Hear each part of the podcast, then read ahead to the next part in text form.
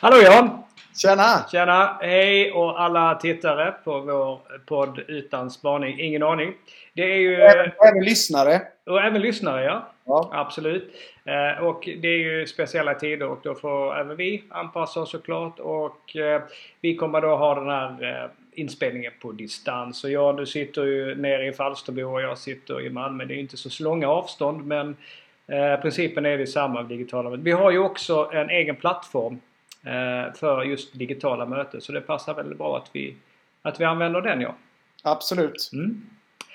Eh, ja, vi ska prata lite om hur synen på det digitala mötet och hur man kanske organiserar sig på ett annat sätt, med de erfarenheter som man fått i, i den här situationen. Då. Om, om jag ställer frågan till dig Jan, vad tror du är de stora förändringarna för företag och organisationer eh, när det börjar gå in i mer som man tar med sig från den här krisen?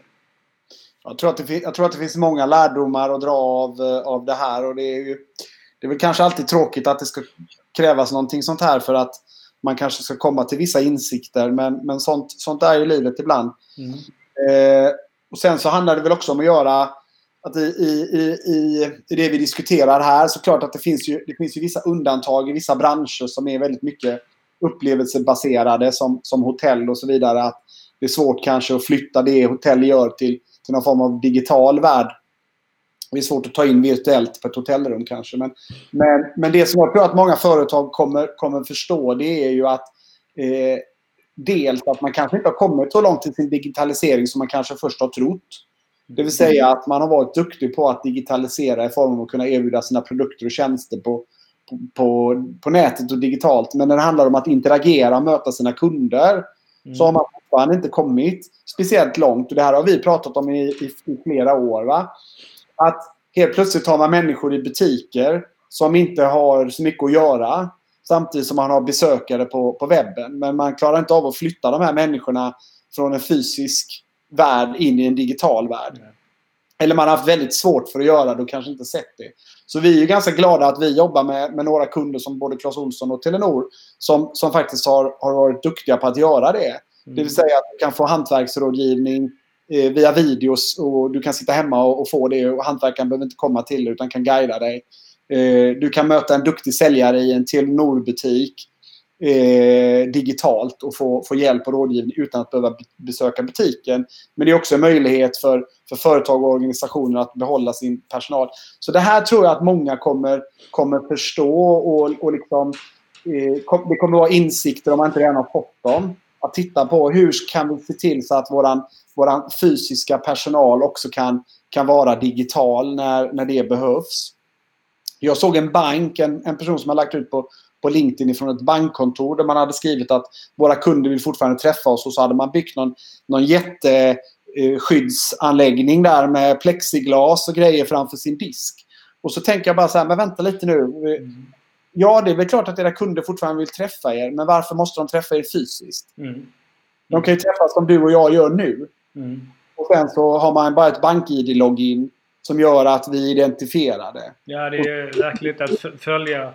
Ja, så är du säker som rådgivare och jag som, som kund. Och det här är ju ett jättetydligt tecken på att man, man gör massa saker eh, kring, kring digitalisering. Men återigen så har man missat det här med att, att möta sina kunder digitalt. Att kunna hjälpa dem. Jag tror att det kommer bli en jättetydlig insikt eh, för, för, för många. Som Mm. jag sa innan, det har redan kommit.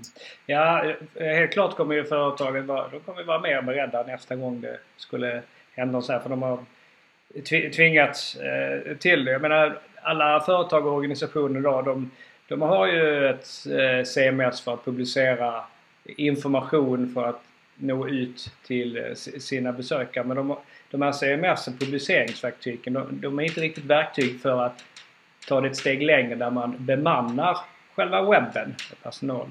Och då, då tror jag att det kommer, vi kommer se ett eh, ökat intresse för, för eh, tjänster, tjänster som, som likt vår då, där man kan eh, ett lager lägga emellan och då kan, kan flytta butikspersonal snabbt ut på, på webben istället. Ja, och man kan ju också jobba med det för att, för att skapa lite variation också och ge mm, butiksmedarbetare kanske en, en extra liten paus. Att okej, okay, man, kan, man, man, kan i en stund när det, när det är... Man kan lämna golvet om man säger så. Och så kan man sätta sig och så kan man ha interaktioner med, med, med, kunder, med kunder digitalt.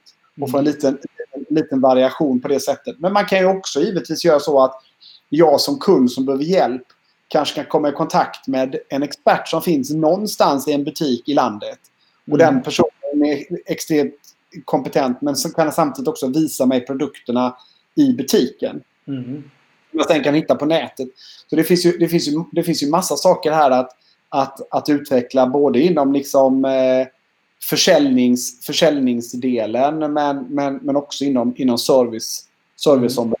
Mm. Ja, jag tror att eh, Eh, det, kom, det, kommer nog hända, det kommer nog hända mycket när vi, när vi går igenom den här krisen som, som vi är igenom just nu. Och att många också kommer revidera kanske sin affärsmodell. Att, mm. okay, hur, hur gör vi våra affärer och hur kan vi se till så att vi, vi står starkare om det här händer i, i, igen i framtiden. Mm. Du har också nämnt några bra exempel på verksamheter här som snabbt ställde om eh, för den här situationen. Men det, det, som förvånar mig det är ju att många av de här besluten att digitalisera de, att de, de tar så lång, lång tid och att man får det till att verka eh, att det är så mycket mer jobb så svårare än man egentligen är. Det visar ju sån här kris att när sånt här händer så går det ganska snabbt att, att, att ställa om ändå mm. Mm. Och det var lite som du var inne på när vi pratade om att eh, det, då undrar man ju liksom varför man inte har gjort det här tidigare när det visar sig att det, det, det är ett effektivt sätt att jobba på i kristider. Absolut. Mm. Och sen får man kanske ha förståelse för att man har, man har mycket på sin att göra-lista internt i organisationer. Och ja.